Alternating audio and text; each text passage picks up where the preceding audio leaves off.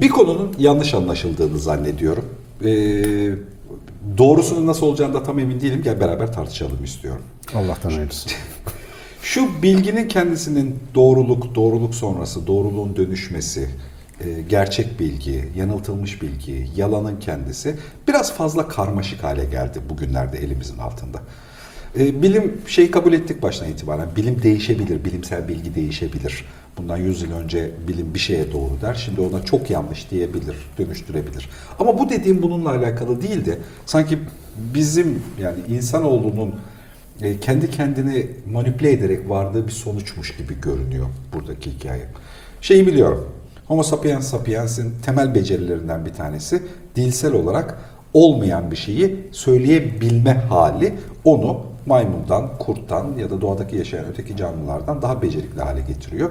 Çünkü organize çalışma becerisi o kurgu diye ürettiğimiz içeriğin kendisiyle oluşuyor. Bu kurgu devlet de olabiliyor. Bu kurgu aile dediğimiz kavram da olabiliyor. Bu kurgu hayatımızı etkileyen hemen hemen her şey kral dediğimiz vesaire. Para, güçlü, mara, güçsüz, her her şey. şey başarı, başarısızlık falan gibi şeylerin içerisinde oluyor. Halbuki gerçek yaşamda başarı diye bir şey yok yani hani nesnel olarak. O bizim kendi aramızda birbiriyle alakalı söylediğimiz bir şey.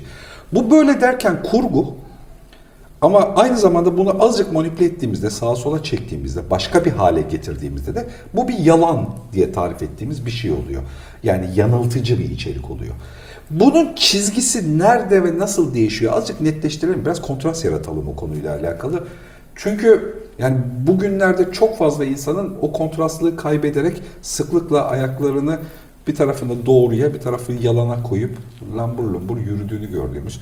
Bile bile Netleştirebileceğimizi hiç zannetmediğim bir çizgi o. Ya benim işte zayıf heveslerim konuyla Evet, alakalı. yani tabii sen şimdi biraz mühendislik yapalım da istiyorsun konuyla ilgili ama ya öyle bir beceri azından ki. fark edelim ya boş E tabii tabii Yani- yani şey gibi becerisi gibi işte yani nasıl diyeyim bu insanın işte hep anlatırım ya zaman algısı mesela çok önemli bir beceridir. Geçmişten tecrübe alırsın, geleceğe plan yaparsın. Ama bu- yönde kullanamazsan o beceriyi hep travmalar, endişelerle bocalayıp durursun. Hani yerinden kalkamazsın, önünden geçeni göremezsin falan gibi. Şimdi yalan aslında sadece bizde yok bu arada. Mesela maymunlar falan da yalan söylüyorlar. Yani yunuslar da yapıyorlar bunu. Gerçeğin hilafına beyanda bulunmak. Ya davranışsal olarak bir de bizde dilsel olarak var tabii. Yani dil geliştiği için diğer canlılarda dil yok. Mesela maymunlar mesela işte alfa maymun gelip de yiyeceğini alma riski olduğu zaman yiyeceği yokmuş gibi davranıyor. Alfa maymun ortadan kaybolunca işte götürüp yiyeceği yiyor falan filan. Yani saklıyor bir şeyleri mesela gerçeğin hilafına bir şeyler yapıyor. Şimdi insanda bu çok ileri düzeyde ve zihinsel olarak da maliyetli bir şey. Şimdi bu maliyetin bir sonucu var. Sanıyorum senin çizgini bulanıklaştıran yer orası. Şimdi bir gerçek var ya da bildiğin bir şey var. Onun hilafına olan bir şeyi söylüyorsun ya da savunuyorsun ya da bahane olarak üretiyorsun. Neyse neden ihtiyacın varsa gerçeğin hilafına bir şey ürettin. Bu sistem ikisini birden barındırmak zorunda yani. Bir nesnel senin için nesnel gerçeklik var, gerçek olan var. Bir de kurgu olan var. Şimdi bu ikisi aynı zihinde çatışma yaratıyor ve gerçekten işte yalan söylemek hakikaten stres reaksiyonu verir e, bedenden beyine. İşte insanların nabzı yükselir falan. İşte yalan makineler öyle çalışıyor zaten. Biz insanlardaki bu gerginliği alıyor. Bir kere şey de var. Aynı yalanı çok söylediğinde stresin düşüyor. Yani vücut ona alışıyor. Alışıyor yani. Tabii tabii. Şeyde. Yalana Ee, alışabiliyoruz. Tabii yalana alışıyorsun. Bunun daha ileri düzeyinde yalan yani gerçeği bırakıp yalanı onun yerine ikame etmeye başlıyorsun. O yalana inanmaya başlıyorsun. Şimdi Ama şimdi şöyle özür dilerim. Azıcık daha yani bu senin biraz önce söylediğin kavramlar var ya işte mesela şimdi mesela devlet diye bir şey uyduruyorsun aslına da Evet. para diye bir, Bu bir değer kurgu uyduruyor. yani. Bir kurgu. Ama bir süre sonra bunun için ölebilecek hale nasıl gelebiliyorsun? Yani bütün hayatını heder edecek bir ya bir dakika bu gerçek değil falan modunu çoktan geçiyorsun. İşte Şimdi- orada bir değişim şimdi var. bir tane gerçekçi bir fantezi yaratmaya çalışalım hep şeyin içerisinde. Burada 2, 4, 6 kişiyiz şeyde. 6 kişilik bir grup olarak yaşıyoruz. Şimdi burada e, Sami'yi kral ilan edelim kendi aramızda. Bu bir kurgu. Bence olur. Tamam. Kral ilan edelim Sa- Sami'yi. Hepimiz iknayız bu konuya. Bir kurgu yarattık. Aynen. Kral diye bir şey var mı? Yok. Bir gerçeklik var mı? Yok. Biz şimdi kendi mabadımızdan uydurduk. Hani Sami'yi de kral ilan ettik. Şimdi bu yalan mı değil mi? Şimdi bu oyun. Böyle söylediğin zaman. Anladım ama yok yine de buradaki şimdi o tanımları azıcık işte hani bu burayı fişikleyeceğim zorlayacağım. Yani normalde kurgu olduğunu biliyoruz. Yalan da bir Evet. kurgu parantezinde. Aynen. Demek ki o kurgunun içerisinde yalan ve doğru diye iki tane ayrım yapmamız gerekecek. Şimdi Sami'ye kral dedik ve hepimiz iknayız Sami'nin kral olduğuna. Evet bizim için yeni bir hal, yeni bir gerçeklik, yeni bir kurgu bu. Yeni bir kurgu oluşturdu. Bu yalan mı değil mi? Bizim için değil. Değil değil mi? Yani Şimdi biz yaptık, biz koyduk. Ya oyun içinde de Ve oyun biz içine buna koyduğumuz- inanıyoruz. Tabii e, uçuk kurallar da yalan değil. O oyunun bir parçası, kurgusu adı üstünde.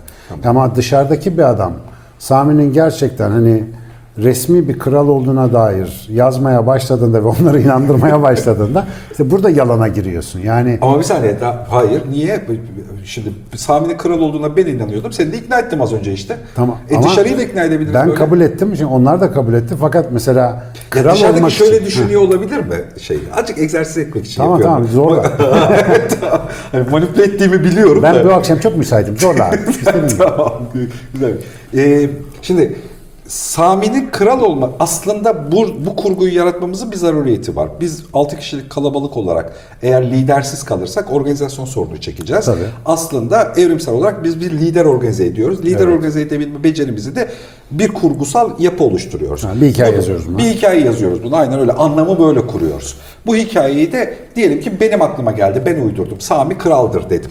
Yani bir şeyle alakalı. Bize de makul geldi, işlevsel geldi. İşlevsel geldi. Sen de buna ikna oldun. Aynen. Şimdi bu 6 kişi buna ikna olduktan sonra dışarıdan bir 6 kişilik grup daha var. Onların kralı mıralı da yok. Ama bizle beraber de çalışmak istiyorlar. Şimdi buna gidip Sami Kral dediğimizde yalan söylemiş olmuyoruz aslında. Aslında sana Olmuyoruz. yaptığım şeyin aynısını oraya da yapıyor oluyorum. Evet yani bu gidip de e, Cumhurbaşkanı Recep Tayyip Erdoğan'dır demeye benziyor bir Amerikalıya. Ha. O da şunu diyebilir. Evet senin Cumhurbaşkanı Recep Tayyip Erdoğan ama benim devlet başkanım işte Donald Trump diyebilir. Yani bizim gerçekliğimiz açısından okey. Ama ben Amerikalı bir adama gidip de senin de Cumhurbaşkanı Recep Tayyip Erdoğan'dır dersem o zaman bir problem. Ben biraz önce onu kastettim. Yani bu şeyin içerisinde kurduğumuz kurgunun içerisinde yalan yok. İşlevsel bir kurgu bu aslında. Yalan gerçeği İşlevsel, gizleyerek. işlevsel olması galiba anlamı. E, te- tabii yani. İşlevsel. Peki şimdi ikincisini söylüyorum. Krala ikna olmuştun. Sami aynı zamanda da uzaylı. Uzaylı. Kanıt isterim. Krala niye kanıt istemedin? Sami için istemem. Uzaylı okey. Tamam. Sami aynı zamanda uzaylı. Yani hani adam uzaydan geldi. Ben de yalan söylüyorum ama gayet hikayesiyle de uyduruyorum. Yemin ederim ama. böyle hareli, ışıklı, yukarıdan aşağı doğru indi, evdeydi, sen yoktun. Tamam? Kahvaltı sonrasında inen ol böyle bir üzerinden parıltılarla beraber falan. Şimdi bu benim için işlevsel değil, rahatsız edici kanıt ararım yani. Kral olması güzel. İşlevsel- tamam. Yani ona vereceğim bütün yetkiyi, ben yaydır yuvarlan gideceğim. Mesela kral olması benim için iyi. Ya mesela işte aynı şeyi paraya yapıyoruz ya, bu her şeyi satın alan bir derdi. Her şeyi alıyorsun yani. Senin için işlevsel değil ama belki benim için işlevsel. Tamam, sen inan. Se- Seni ikna etmek için bunun yani hikaye manipülasyonları da yapabilirim. Çok duygusal şeyler anlatabilirim sana. Hani senin anlamlarına hani o zaten kraldı ya. Kralları uzaylılar çok sever falan diye bağlamda Bağlarsın. hikayeler kurarım. Tabii. Hani Aynen. bir şeyin içerisinde falan. Şimdi benim bu yalanla az önceki doğru diye ayırt ettiğimiz kurguyu hani öyle tarif edelim. Ne ayırıyor bizim zihnimizde? Yani davranışımızda, zihnimizde evrimsel ihtiyaç. Az önce işlevsel diye bir kelime kullandım. Ben onu Ben o buldum. ayırıyor. Yani, Yani işe yarıyorsa doğrudur. E, tabii. işe yaramıyorsa adı yalandır. Bu ya mudur? Allah aşkına düşünsene yani milyonlarca insan savaşlarda ölüyor. Niye? o zaman o zaman koyuyor. şöyle tarif edebilir miyiz? Ya bununla ilgili çıkar ilişkisi olan Ha. insanların talebi, doğruluk talebi. Tas bunları işte Yalnız bu programın sonunda insana dair hiçbir şey kalmayacak. Yani çünkü her şeyimiz böyle. Bizim Evet, her evet. şeyimiz işlevsel yalan. Evet. Yani bu dünya hakikaten yalan dünya. Buradaki bütün değerler, bütün sistemler de yalan yani neticede. Bu da ilk söyleyen yalan dünyayı kim söylemişti acaba hatırlıyor musunuz? İbrahim Tatlıses. Valla. O, o- sözü yazan gerçekten bunu kastetmiş olabilir mi acaba? Yani- Böyleyse ne, ne pis olur ya. İbn Arabi falan söylemiştir bence. Metafizikle falan uğraşan birileri söylemiştir bunu yani. Doğru, E çünkü şey e, yani hakikaten gerçek madde de yalan ya yani bunun içerisinde ürettiğin her türlü yalan da başka bir katman bir yalan. Yani bunların Gerçek maddede yalan derken neyi kastediyorsun? Duyu, duyu, gördüğümüz şeyler bu değil yani bu nörofizyolojik olarak dış dünya böyle değil. Onun öyle olmadığını kesin biliyoruz. Çünkü dış dünya dediğim şey bizim beynimizde oluşan elektriksel sinyallerin yorumlarından yapılan bir temsil. Ve bu temsilin gerçeği temsil etme gibi bir zorunluluğu yok. Hatta gerçeği temsil etme olasılıkları çok düşük.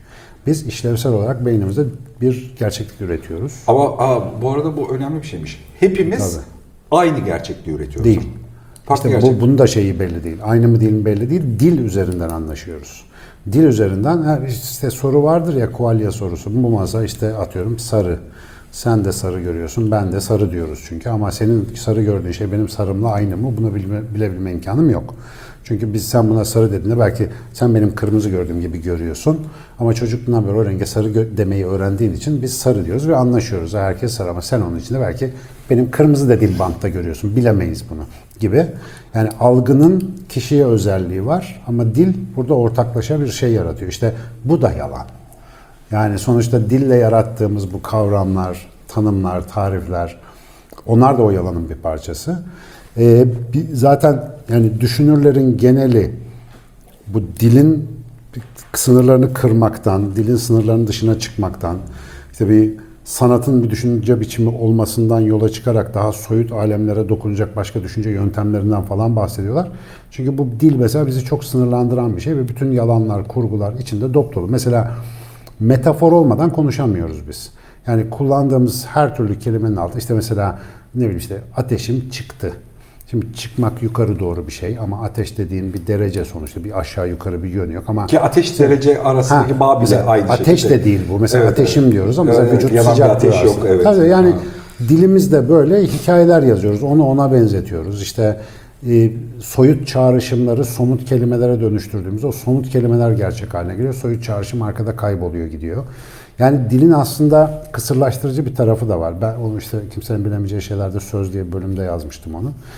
Kafandaki düşünceler normalde yani daha doğrusu duygulanımlar ve e, zihindeki imgeler soyut ve bağlantısızdır. Sen bunları söze dökmeye başladığında bunlar somut kurgulara dönüşür. Adeta kuantum fiziğinde işte her şey olabilecek bir dalga fonksiyonunun bir elektrona dönüşmesi gibi gözlem yapıldığı anda ya da konuşulduğu anda dil söz konusu olduğunda Onlar bir gerçekliğe döner. bileşkelenir ve Ha, bir- bir- çöker diyoruz buna işte Ha. kuantum dal- dalga fonksiyonu çökmesi diyoruz.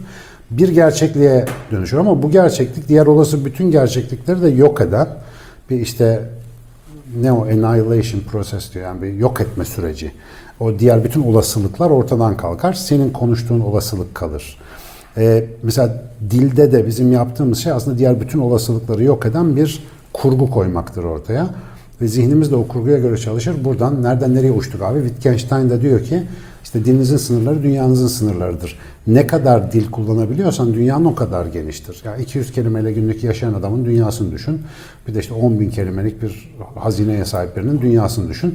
Dil de böyle bir şey yani. Aslında o yalanın bir parça, önemli parçası dil bizde. Ee, hepsinden etkilendim. Hiç sıkıntı Yani yok.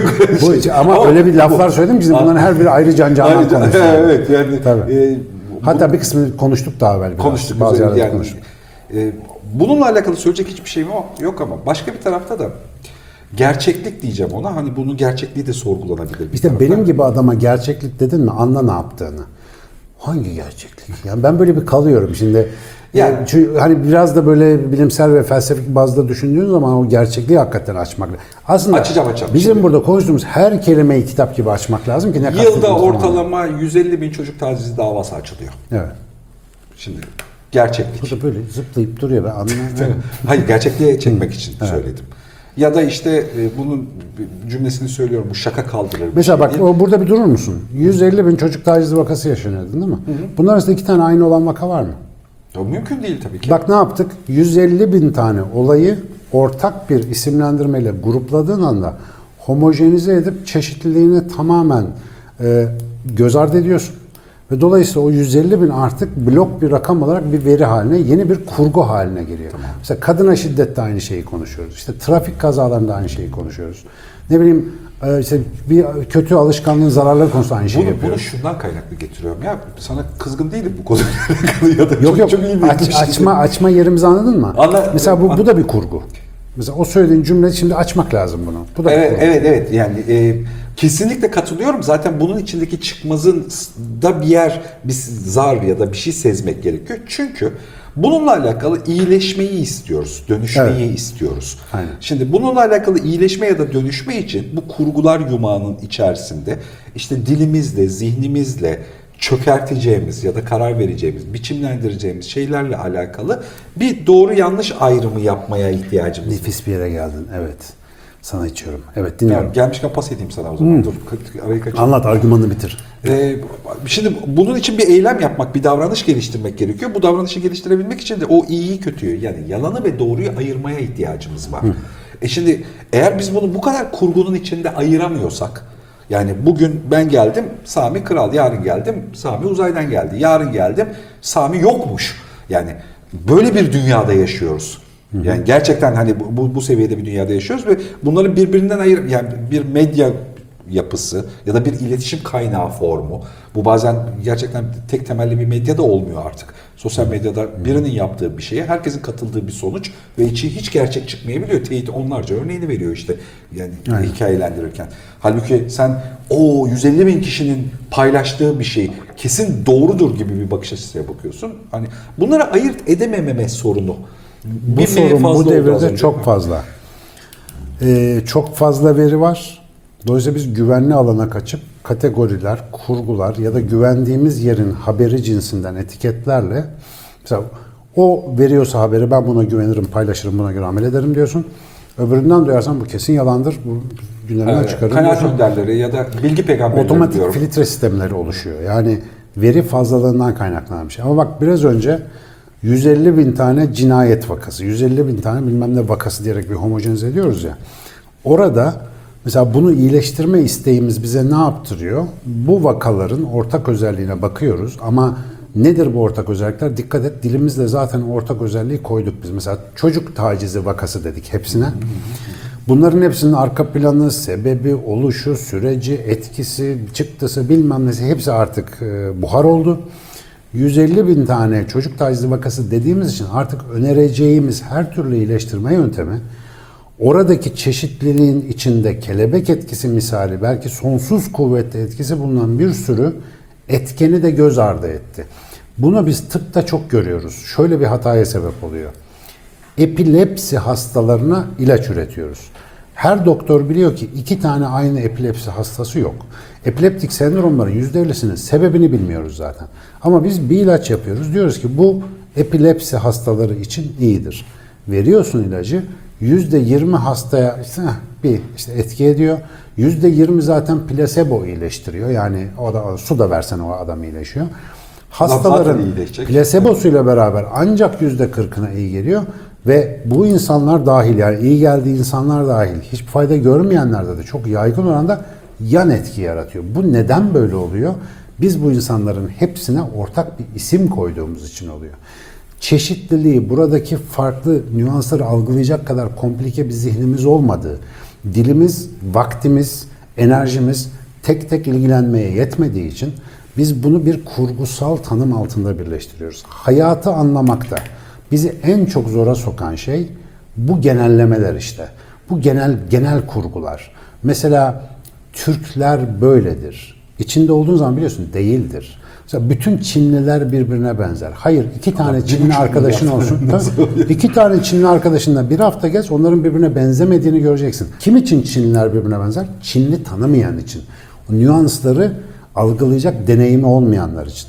Şimdi dil, daha doğrusu dil demeyeyim ona, dilin çok faydalı özellikleri var da bu kategoriye sokma, kategorik kurgular yapma alışkanlığımız bizi genellemelere ve yabancılaşmalara götürüyor. Sonra ne oluyor?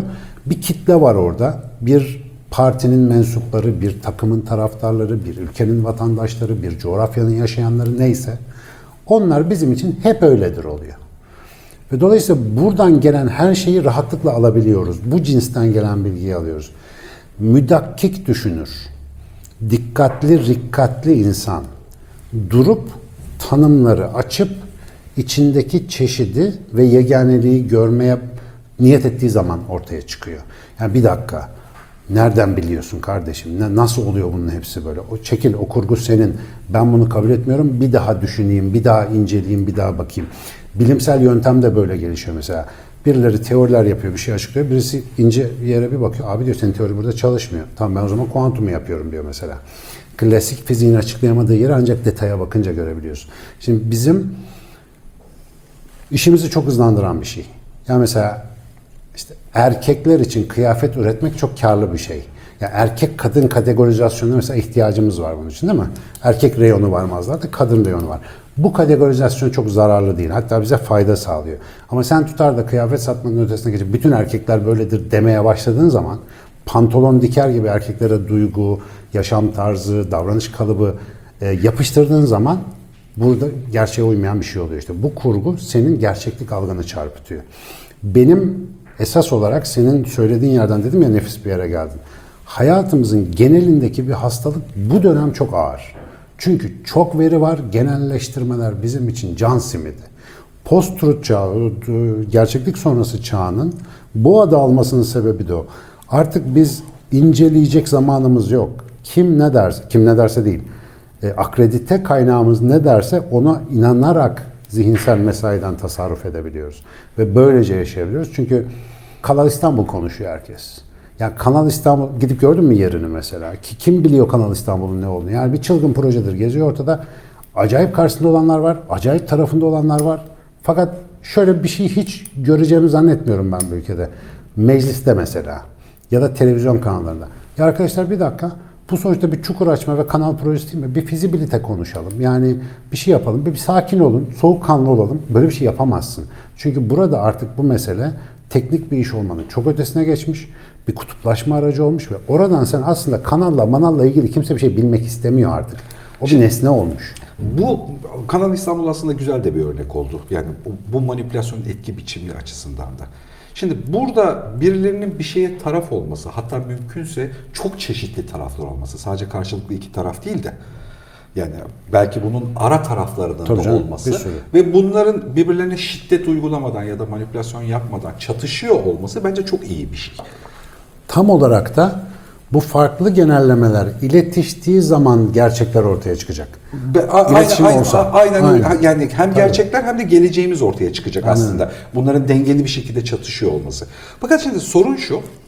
Böyle bir şey oluştuğunda elinde iletişim gücü olan, daha evvel güvenilirlik statülerini başka gerekçelerden kaynaklı yüklenmiş olan, bu çoğunlukla ekonomik güç de demek aynı zamanda, yüklenmiş olan keyfiyetle e, yani belki biraz ileri yorumlar ama bu, ben bunun da bir üst bir doğru oluşturduğunu, kafasına göre başka bir doğru oluşturuyor. Kurgusal bir doğru. Kurgusal bir doğru oluşturuyor. Ama bu kurgusal doğru benim Sami'ye kral demem gibi. Yani o da buna göre bir şey söylüyor. Yani hani diyor ki Osmanlı ki. padişahlarının hepsi böyle bir şey diyen yok ama hani örnekleme için söylüyorum. Osmanlı padişahlarının hepsi bunu yapmayı istedi ama yapamadı. Biz yapacağız Evet. onların hayallerini diyor. Aynen Şimdi öyle. bu olmayan bir şeydi. Ya da bunun olduğuyla alakalı hiçbir gerçeklik yok tarafta ama ben söyledim oldu. Niye? Hepinize söyleyebilme gücüm var çünkü. Ya da bunu söylediğimde de bana güvenmekle alakalı bir şey var. Çünkü güç bende, para bende bir şey, bir şey yani bir şeydi. Şimdi bu oluşa gelen hikaye. Bu aynı zamanda o referans kaynaklarımız mevzusunda da yani bu gerçeklik sonrası hikayeyi oluşturan şeyin bu olduğunu da düşünüyorum. Yani eskiden kendi gerçek bilgimizi kendimiz kazıyıp buluyorduk ve ona geçirdiğimiz zaman onu düşünmekle alakalı bir şeydi. Şimdi arada referanslarla hani şakasını yapıyorum işte bilgi peygamberleriyle ediniyoruz. Buradaki artık o bilginin kendisine ulaşmıyoruz. Onu bize yorumlayan birileriyle ulaşıyoruz. E bu bize başka bir gerçeklik barındırıyor. Çünkü bu bir yorumlu bilgi artık hani buradaki hikaye. Şimdi bu bir yalan. Yani aslında yani varsayalım kimse böyle bir şey demediği için bu örneklem üzerine gidebilirim. Geçmiş padişahların hepsi Kanal İstanbul olsun istiyordu. Hatta Atatürk de istiyordu falan. Hatta Atatürk de istiyordu. Hani bu, bu bariz olarak bir kurgu oluşturdu, bir fantazya oluşturdu. Buna- Yeterince inandırıcı söylersen mesela birçok insan bunu aa evet ya der. Evet, yeterince tekrar edersen Bunu işte İlber Ortaylı'nın söylediğini düşün mesela. me- mesela ya da işte ne bileyim Atatürk'ün kanalizasyon kelimesinde izasyonu at kanal bak orada dediydi falan diye hani Tabii, tabii. örnekler için bizi de manipüle et hani bir şeyle alakalı. Biz o kadar dikkatli bakıp uzun hangi metinde geçiyor diye yorumlayacak zamanımız da yok. Bunu bana kim söylüyor? Sinan Hoca söylüyor. O zaman iknayım. Tabii, Niye? Sinan'a aynen. güvenirim çünkü Tabii. diye bir şey oluştuğunda elimizde bir, bir yapı oluşuyor. Şimdi bundan kaçamayacak mıyız? Bu mudur bizim gerçekliğimiz artık? Ee, bundan kaçmanın yolunu yıllardır anlatmaya çalışıyorum. Şu kitabımda da belirttiğim, kitabımda da yazdığım gibi, bu değil ama üçüncü cildi, daha üçüncü cildi çıkmadı. Ee, insan zihninin hikaye Bir an özür dilerim ama şey gibi hissettim kendimi. Arkadaşım bunu anlatıyoruz ya. Oruçken sakız çiğnersen bozulur Allah Allah falan gibi hissettim ya. Yok o kadar değil. Daha o kadar çok anlatmadım. Yeni başladım. Ha, rahmetli, rahmetli Yaşar Nuri gibi çıldırmayacağım henüz. Daha ona vakit var ama. Ee, özür diliyorum geri aldık. Yok niye aynen devam. Valla bence burası güzel. Şimdi insan zihninin neden hikayeyle çalışmak zorunda olduğunu anlarsak, akıl dediğimiz melekenin nasıl keyfi bağlamlarda kurgulandığını fark edersek, içe dönüp şunu görme şansımız var. Benim kendimle ilgili en çok muayene alanım budur yani kendimi en çok muayene ettiğim yer. Abi kafada bir olay var da bir hikaye var da mesela bir bir yerden bir yere bağlıyorum da nereden biliyorum ben bu bağlantıları? Kim bunu bağlamış? Bu kişinin kendisini sorgulama ve bildiği, inandığı ya da karşısında durduğu, inanmadığı, nefret ettiği şeylerle ilgili zihinsel yargılarını elden geçirmeye başladığı zaman işte bir gün herkes Dücane Cündioğlu olacak. Yani bir gün herkes oturup böyle kafada mıncır mıncır abi bir dakika ulan, ulan ben bir şey bilmiyormuşum bir dakika bir baştan bakayım noktasına gelecek. Şimdi bu pahalı. Tabii herkes derken mümkün değil böyle bir şey. Ta yani Bu Platon'dan arada çok özür dilerim lafını unutma ama gerçekten e, yani hani bu programa birilerini davet etmeyelim diye karar aldık. Ama Dücane'yi çağırsak mı ya da bir muhabbet etsek biz ikimiz de Bence olur. sevgili Dücane Bey biz ikimiz de seni arkasından çok seviyoruz öyle görünüyor mevzu. O zaman- Vallahi sabah akşam kulaklar çan çan Çan çan çalmıyor, Yani. Ee, yani onun özelliği işte o bir benim için bir prototip yani. Hatta burada da anlatayım sonuçta olay public sayılır. Bir kitap fuarında Çanakkale'de biz bir yemek yemiştik beraber. Ee, yemekte mesela eski yazdığı çizdiği şeyler dedik hepsini boş verdi. Onlar önemli değil. Kendisi zaten televizyonda da anlattı bunu. Ee, o kadar sene yaptığı, yarattığı, düşündüğü müktesebatı, yazdığı şeyleri bir çırpıda siliyor. Sebebi temellerinin, felsefi temellerinin çürük olduğunu fark ediyor. Ve sonra tek tek diyor koca bir bina yapmıştım. Herkes ona çok böyle müştaktı, seviyordu. Ben diyor balyozu aldım indirdim aşağı çünkü temelleri bozuk. Şimdi bir kulübe yapıyorum ama her tuğlasını kendim yapıyorum gibi bir ifadesi var. Şimdi bu ifadenin tabii telmi çok. Herkes böyle bir felsefi literatürü höre höre girip böyle bir şey yapsın diye söylemiyorum ama her insanın işte o üçüncü ciltte uzun uzun, bayağı uzun kısaltmaya çalışıyorum. Anlatmaya çalıştığım şeydeki gibi kendisinin hiçbir dahli olmadan inşa edilmiş bir başlangıç zihni var. Yani biz insanlar her birimiz yetiştiğimiz ortamda böyle kabın şeklini alır gibi orada şekillendirildik. Ben dediğimiz her şeyi daha evvel konuştuk. Bir konstrakt, bir yapılanma ve bizim hiç dahlimiz yok bunda. Anamız, babamız, çevremiz, inançlarımız, ülkemiz, Ülkemiz, kültürümüz, tarihimiz, zamanımız, her şeyimiz bizi inşa ediyor. Sonraki iş bu inşaatı yıkıp kendini inşa etme meselesi, gerçek kendini. Bu e, sayısız e, kendilik versiyonlarının elbette bir tanesi olacak. Yani insan birçok benlik inşa edebilir ama bunu yaparken dürüstçe keşfettikleriyle, gerçekten bildikleriyle, deneyimledikleriyle, tattıklarıyla inşa ederse bu gerçek bir benlik oluyor ve içinde gerçek huzur, işte içinde gizli olan huzur anlamında bunun Arapça karşısında cennet denir. Cennet gizli, huzur yeri, bahçe falan demektir. O oradan inşa edilebilen bir şey. Ama bu mesela bu konuştuğumuz kurgular, bizi rahatlatan yalanlar, efendim inanmayı seçtiğimiz ya da karşısında durmayı seçtiğimiz hikayeler ya da kurgular bizim genellikle o ilk hiç dahlimiz olmadan kurulan benliğimizle uyumlu ya da uyumsuz olan şeyler. Uyumlu olan bizi rahat hissettiriyor. Uyumsuz olan diyoruz ki yok bu bizden değil. Halbuki dinlemeye başladığında, anlamaya başladığında, kendini sigaya çekmeye, sorgulamaya başladığında sana zıt görünen bir süre sonra aa bakıyorsun senin tecrübenle çok uyumlu bir şey içeriyor. Sen onu niye itmişsin? Önce yapılan benliğin ona ters olduğu için. Şimdi bütün bu kurgusal hikayenin tek kurtuluş yolu insanın buna mecbur olduğunu fark etmesi. Bir kere bu bizim yapısal ayarlarımızda mecbur olan bir şey. İnsanın sınavı burada zaten. Ya bizim temel sınavımız bu. Ben olma sınavı. Ya ne olacaksak o olma sınavı. Ama burada ben işte başlangıç ayarlarıyla ilk yüklenen yazılımla patır patır giderim dersen işte bugün aldığım bilgisayar 6 ay bir sene sonra update yapmazsan nasıl çöküyorsa insan da bir süre sonra dünyada zihnen ve duygusal olarak çöküyor. İşlevsiz hale geliyor, mutsuz hale geliyor. Ee, bir etki oluşturamıyor ya da kötülüğe sebep oluyor. Yani bulunduğu yer itibariyle öyle bir pozisyonda rahatlık yakalıyor ki o pozisyonda çok yıkıcı bir şey oluyor. İşte bir fanatiklik, bir taraftarlık, böyle bir, yere bir yapışmalar, bir şeyler bir şeyler. Yani ben bu konu buraya geleceğini bilmiyordum ama önemli bir yer burası. Kurtuluşun yolu kendini bilmek her zaman olduğu gibi. Bilelim ki insan zihni buna göre çalışacak. Başka şansı yok yani. Böyle bir kurguya ihtiyacı var. Bu kurgu yoksa kendisi üretecek. Mesela bir süredir tartışma gidiyor internette. Evrim Ağacı ile Kırmızı Asa kanalı arasında. Biz de dün akşam izledik hatta. Mesela birbirlerine böyle cevap yetiştiriyorlar. Mesela bir daha dindar bir kanal olan Kırmızı Asa Evrim Ağacı'na diyor ki siz diyor yani dini şeyleri işte böyle objektif olmamakla suçluyorsunuz. Sizin de diyor gayet metafizik inançlarınız var diyor. Hatta Evrim Ağacı bir yazı yazmış. Bilimin temel varsayımları diye. Onların hiçbirinin aslında nesnel varsayımları olmadığı, bilimin de gayet metafizik varsayımlara dayandığını falan Evrim Ağacı anlatıyor zaten. Doğru. Bunu zaten bilimle uğraşan herkes biliyor. Fakat burada mesela e, Kırmızı Asa'nın Evrim Ağacı gibi sitelerden ya da inançlı insanların, bugünün pozitivist bilim insanlarına istediği şey abi diyor bana yorum yapma diyor. Sen diyor veriyi al olduğu gibi bana ver. Böyle bir insan yok. Yani insan bir şey gördüğü zaman onu bir yere bağlamak zorunda. Akıl bu zaten. Dolayısıyla nereye bağlarsan bağla kurgu.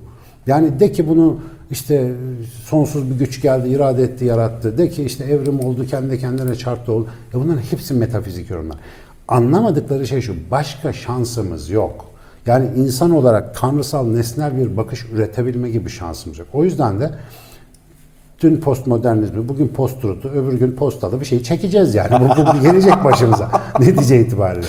Bu hep olacak. Zayıflığımızı bilirsek en güçlü tarafımız o olur. Yani bu yokmuş gibi davranmayalım yani. Hepimiz bir kurgu içinde yaşıyoruz. Bu standart bence. O zaman diyorsun ki benim şimdiye kadar deşip deşip bulduğum yerdeki en iyi kurgu kendini bilmekle alakalı. Yes. Benim kurgum da bu işte. Tamam, Çünkü okey. başka bir yol bulamadım. Yani daha iyisi olan varsa gelsin. Yani her zaman değiştirebilirim bu kurguyu. Benim mesela hayatta kendimi en rahat hissettiğim şey her türlü kurguyu değiştiririm yani. Hiç hiç problem yok. Yani bunu kurgu olduğunu bildikten sonra Tabii bunu tabii. değiştirmek. Onu değiştir, öbürünü. İşlevsel olsun İşlevsel olsun.